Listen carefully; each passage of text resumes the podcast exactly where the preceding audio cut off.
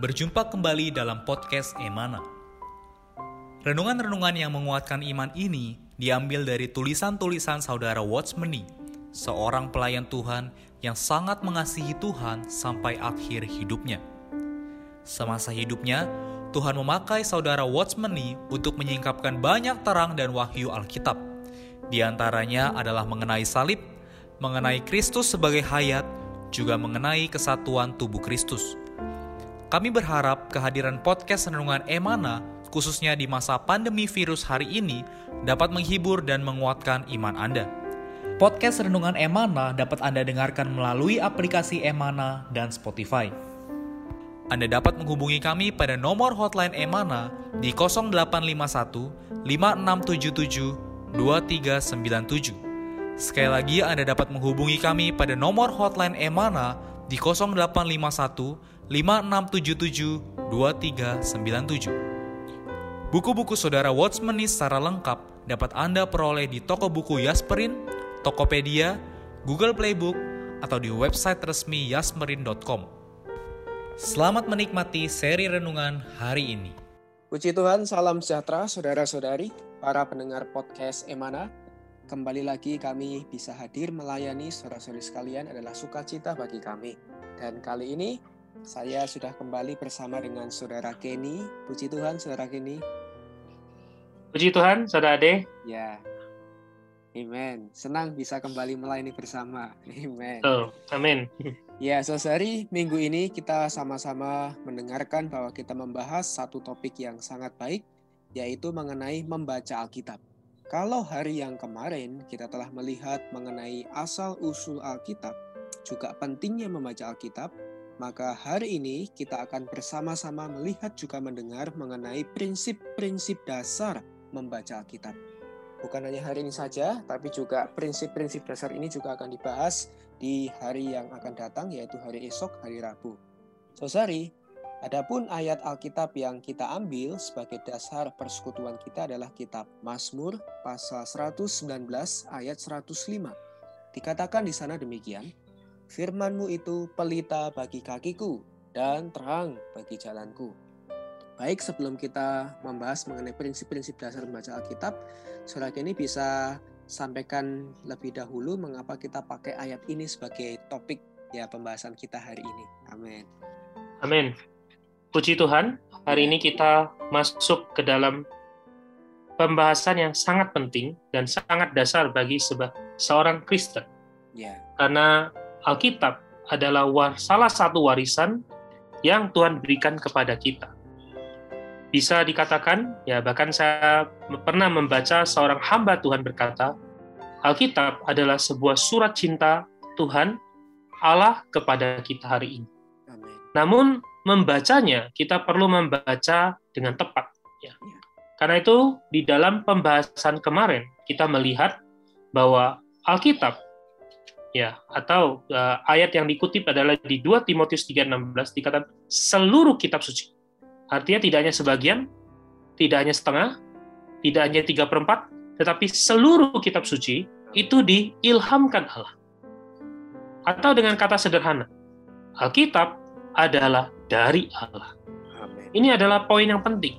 Kita pertama-tama kita harus percaya dulu. Kita harus setuju dulu. Kita harus memahami dulu, kita harus mengenal dulu bahwa Alkitab adalah dari Allah.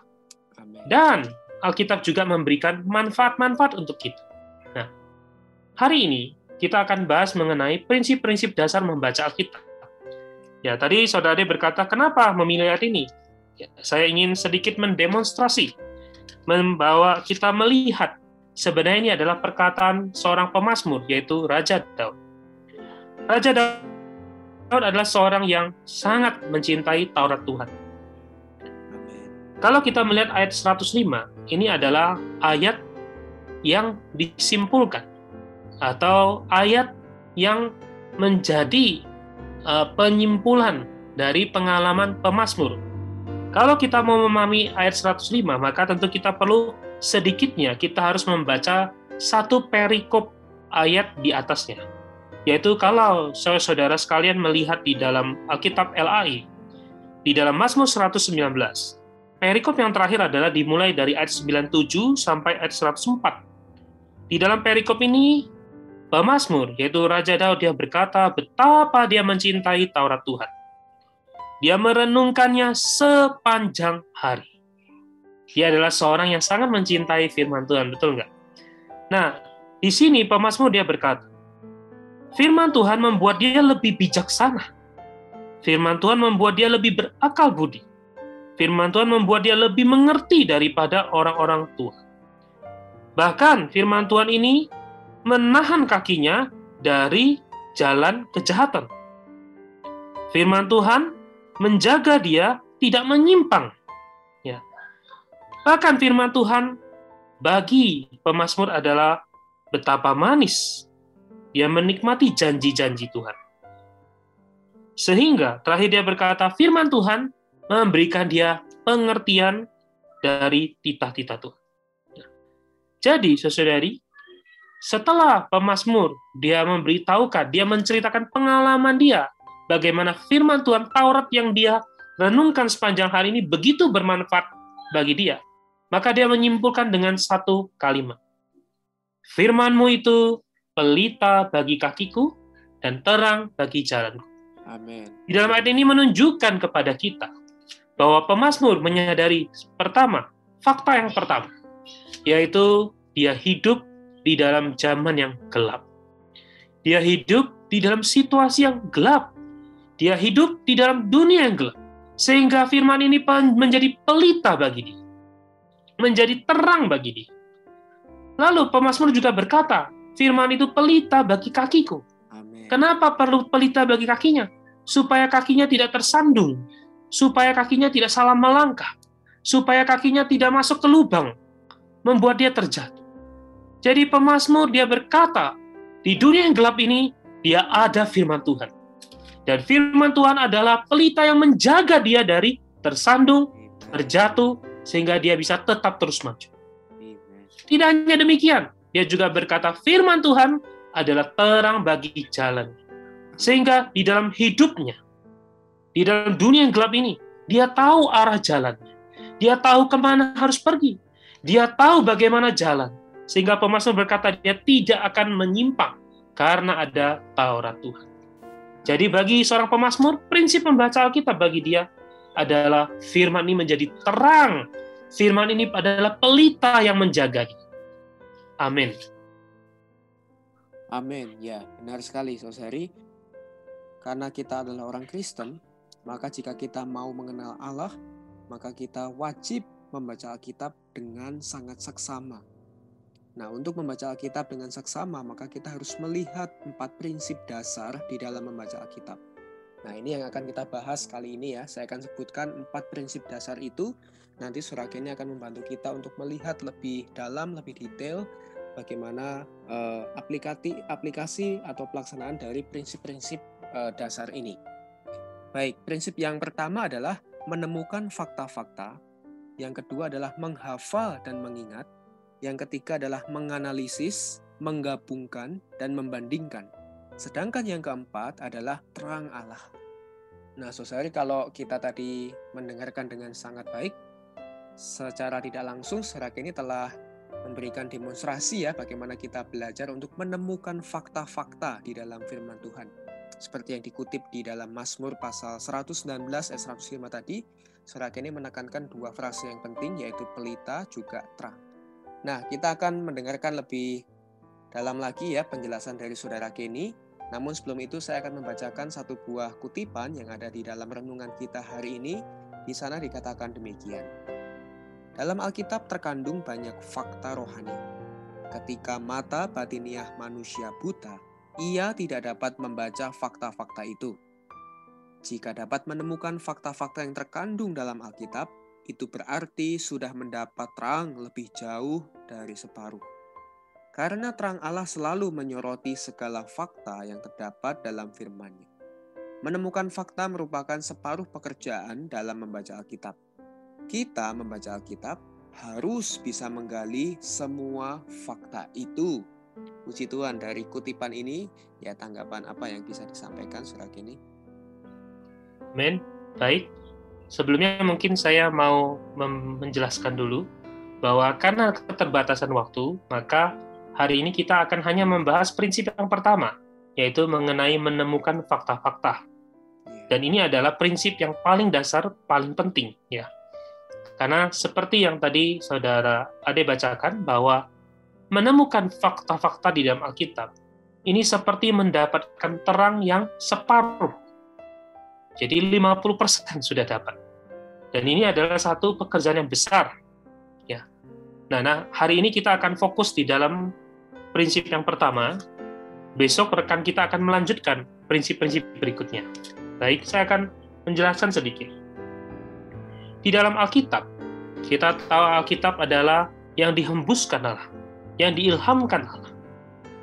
Maka, setiap kata setiap tulisan di dalam Alkitab itu penuh dengan makna.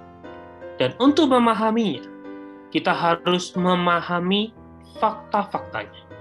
Apa yang menjadi latar belakangnya, konteksnya bagaimana, kita harus menemukan dulu, kita harus membaca secara literal. Kalau kita tidak menemukan fakta, maka sulit bagi kita untuk memahaminya. Misalnya, kita tahu bahwa di bumi ini ada namanya gaya gravitasi. Ini sebuah fakta, bukan? Dan fakta ini sebelum ditemukan oleh Newton, fakta ini sudah ada. Gravitasi dari sejak Allah menciptakan bumi, sudah ada gaya tarik bumi. Tetapi suatu hari Newton menemukan menemukan dia tidur di bawah sebuah pohon apel dan pohon apel itu jatuh di hadapannya. Maka Newton menemukan ada gaya tarik di bumi. Jadi persoalannya di sini adalah bukan ada atau tidaknya fakta itu, melainkan fakta itu ditemukan. Jadi saudara-saudari, di dalam Alkitab ada fakta-faktanya. Tapi perlu kita menemukan, baru kita mengapresiasi, baru kita menghargai, dan baru kita bisa mengembangkan ya kita bisa mengenal lebih jelas. Amin.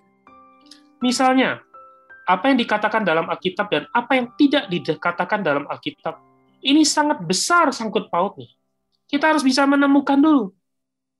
Ada keempat Injil. Ya kan? Di Injil Matius, apa yang dikatakan dan apa yang tidak dikatakan. Ini ada sangat besar sangkut pautnya. Ada yang dikatakan, ada yang tidak dikatakan. Ada yang demikian mengatakannya, ada yang mengatakan dengan cara yang lain kata yang sama, ada yang ditulis dengan jamak, ada pula yang ditulis dengan tunggal, singular. Jadi di dalam Alkitab, ada kalanya mementingkan nama Tuhan, ada kalanya juga mementingkan nama manusia. Ada yang sangat menjelaskan tentang tahun-tahunnya, namun ada pula yang sama sekali tidak menyinggung tahun-tahunnya. Seolah-olah diabaikan. Itu bisa kita lihat nanti di kitab kejadian. Ada keturunan yang hanya dicatat namanya, tetapi tahun-tahun umurnya tidak dicatat. Tapi ada keturunan yang lain. Dicatat namanya, dicatat umurnya, tahun-tahunnya tulis. Fakta-fakta ini harus kita temukan. Ya. Jadi, kita melihat membaca Alkitab, kita harus teliti. Membaca Alkitab, kita harus menemukan faktanya. Baru kita bisa memahami dengan jelas apa maksud Allah apa yang ingin Allah beritahukan kepada kita. Mengapa Allah berbicara demikian pada waktu itu? Sehingga terang yang separuh sudah kita dapatkan. Nah, nanti selanjutnya adalah masuk ke prinsip-prinsip yang berikutnya. Baik, saya pikir penjelasan ini cukup jelas buat kita semua. Betapa pentingnya kita menemukan fakta-fakta di dalam Alkitab. Amin. Benar sekali, Sosari. Betapa pentingnya kita menemukan fakta-fakta yang ada di dalam Alkitab, di dalam firman-Nya. Karena terang Allah selalu menyoroti segala fakta yang terdapat di dalam firman-Nya, maka pekerjaan yang sangat penting kita bisa menemukan fakta di dalamnya itu sebuah satu pekerjaan yang sudah dikatakan separuh tadi ya di dalam kita membaca firman Tuhan atau Alkitab. Baik, eh, saya akan membacakan kembali satu buah kutipan yang ada di sini Dikatakan demikian, orang yang pandai membaca Alkitab, dia pasti orang yang teliti di hadapan Allah, bukan orang yang ceroboh dan sembarangan. Alkitab tidak dapat diubah walaupun setitik atau senota. Firman Allah berkata demikian, maka demikianlah adanya. Begitu Allah berfirman, Anda harus mengetahui di mana titik beratnya. Banyak orang yang ceroboh mendengar perkataan orang tidak tepat. Membaca firman Allah juga tidak tepat. Di mana titik beratnya firman Allah? Mereka tidak dapat membacanya. Di manakah letak kuncinya? Juga tidak bisa menemukan. Nah, dari kutipan ini mungkin saudara ini bisa memberikan advice ya. Satu tips bagaimana kita bisa menjadi orang yang uh, bisa menemukan fakta dengan mudah ya ketika kita membaca Alkitab. Karena ternyata orangnya kita ini sangat mempengaruhi ya bagaimana kita bisa mendapatkan fakta-fakta di dalam kita membaca Alkitab atau firman Tuhan. Saya setuju ya bahwa di dalam membaca Alkitab ini sangat mementingkan bagaimana orangnya kita. Membaca Alkitab adalah perlu membaca dengan teliti karena ini adalah tulisan yang diilhamkan Allah. Bahkan kita perlu memohon Tuhan memberikan kita terang, memberikan kita konsentrasi, memberikan kita kejernihan dan ketelitian di dalam membaca Alkitab. Kita harus menemukan fakta demi fakta. Sebagai contoh, tadi saya memberikan sedikit demonstrasi.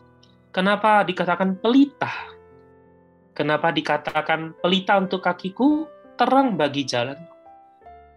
Apakah boleh dibalik? Tentu tidak, karena ini adalah firman Allah.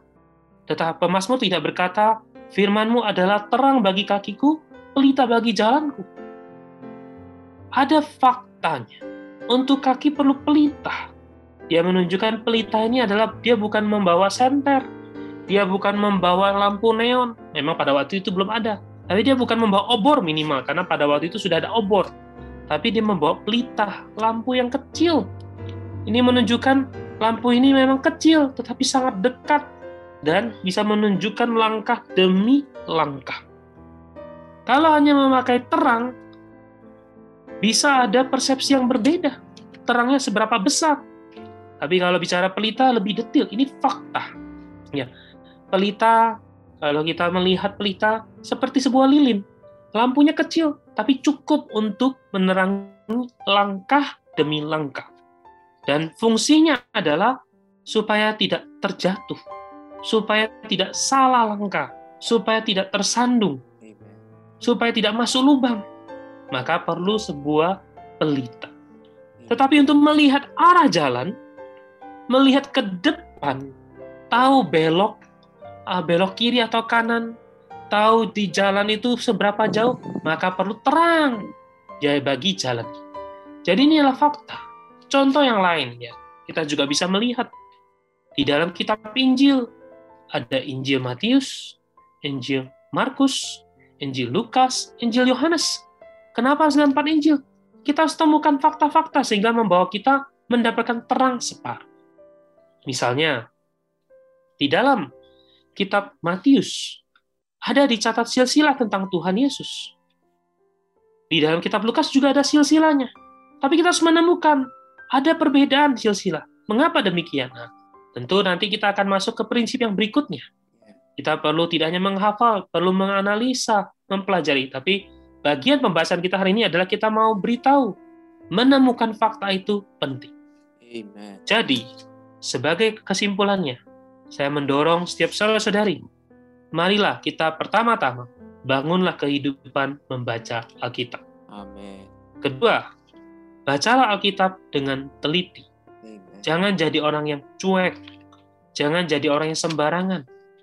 Ketika kita cuek terhadap firman Allah, ini menunjukkan kita tidak menghargai perkataan Allah. Kita harus membacanya perlahan-lahan, dengan teliti, memahami, menemukan fakta demi fakta. Maka sesaudari, saya percaya Tuhan akan memberikan terang yang limpah. Amen. Bahkan kalau kita mau jujur ya, uh, di dalam pembahasan kemarin dikatakan seumur hidup kita, kalau kita membaca Alkitab belum tentu ada jaminan kita sudah memahami separuh terang di dalam firman Tuhan. Apalagi kalau kita membaca dengan sembrono, pasti kita tidak akan dapat terang. Karena itu mari saya mengajak, mari kita sama-sama bangkit. Mari kita sama-sama di masa pandemi ini orang berkata zaman yang gelap. Kita baik-baik membaca firman Tuhan. Bangunlah kehidupan baca firman Tuhan. Anda boleh membaca firman Tuhan sendiri, Anda lebih baik lagi kalau Anda membaca firman Tuhan di dalam kelompok demi kelompok. Ya. Bacalah bersama-sama. Bacalah dengan rekan-rekan Anda. Baca dengan teliti. Tuhan akan menjadi memberikan terang, firman Tuhan akan menjadi pelita bagi kakimu, dan terang bagi jalan. Puji Tuhan. Amin. Ya, terima kasih Serak ini juga mengingatkan saya ya bahwa hari ini penting sekali membangun kebiasaan untuk membaca firman Tuhan, membaca Alkitab. Juga perlu menjadi orang yang membaca Alkitab dengan sangat teliti, juga sangat hati-hati. Ya, dengan demikian bisa mendapatkan firman Allah itu menjadi pelita bagi kakiku, juga terang bagi jalanku. Semoga ini juga menjadi dorongan bagi saudara-saudari, bagi para pendengar emana di mana pun berada, kita perlu membangun kebiasaan, membangun habit yang baru, yaitu membaca Alkitab, juga membaca dengan teliti dan hati-hati. Amin. Baik, saudara kini kalau kita membahas mengenai membaca Alkitab ini sangat kaya ya. Ya, hari Betul. ini kita bahas mengenai prinsip-prinsip dasar membaca Alkitab. Semoga di hari-hari yang akan datang, di tiga prinsip yang lain juga bisa menjadi bantuan yang besar bagi para pendengar podcast Emana sekalian. Maka tetap dengarkan juga podcast-podcast yang akan datang. Semoga firman yang disampaikan bisa memberkati semua saudara-saudari sekalian. Amin. Puji Tuhan. Baik, mari kita tutup podcast kali ini. Saudara kini di dalam kasih bisa berdoa untuk kita semua. Amin. Amin. Mari kita bersama-sama berdoa. Tuhan Yesus kami mengucap syukur betapa Engkau mengasihi kami. Engkau tidak hanya memberikan nyawamu, Ya, berkorban, menebus kami. Kau juga memberikan firman-Mu sebagai warisan yang bisa kami baca, bisa kami nikmati. amin. Tuhan kami rindu firman-Mu seperti yang dialami oleh pemazmur. Ya, Firman-Mu menjadi pelita bagi kaki kami, sehingga hidup kami tidak lagi terjatuh, hidup kami tidak lagi salah langkah. Bahkan firman-Mu menjadi terang bagi jalan kami. amin. Kami rindu di dalam jalan kehidupan kami adalah jalan yang semakin terang. Ya, Oh, karena firman berkata jalan orang benar adalah makin terang sampai rembang tengah hari. amin. Tuhan, pimpinlah kami Tuhan, pimpinlah seluruh para pendengar podcast, di mana pun kami berada. Kami mau Tuhan membangun kehidupan membaca Alkitab. Kami mau belajar membaca Alkitab dengan teliti. Amin. Tuhan, jangan biarkan kami menjadi orang sembrono. Tuhan, kami tidak mau menjadi orang yang merendahkan firman-Mu. Karena firman-Mu adalah firman kebenaran. Di dalam firman-Mu lah ada kekuatan yang sejati. Di dalam firman-Mu lah ada terang yang segar, terang yang baru, terang yang rohani. Tuhan, kami berdoa untuk seluruh para pendengar podcast, di mana pun saudari kami berada, kiranya Tuhan melalui Tuhan doa kami pada hari ini, Kau membangkitkan banyak orang-orang, banyak orang-orang beriman menjadi para pecinta firman Tuhan. Bangunkan Tuhan di mana-mana ada kelompok-kelompok membaca Alkitab. Sehingga satu kelompok demi satu kelompok menjadi orang-orang yang memahami, yang dituntun, yang dikendalikan, diubah oleh firman.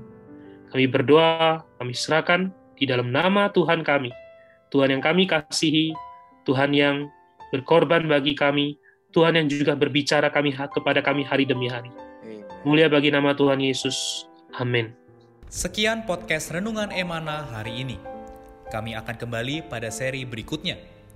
Anugerah dari Tuhan Yesus Kristus dan kasih Allah dan persekutuan Roh Kudus menyertai kita semua.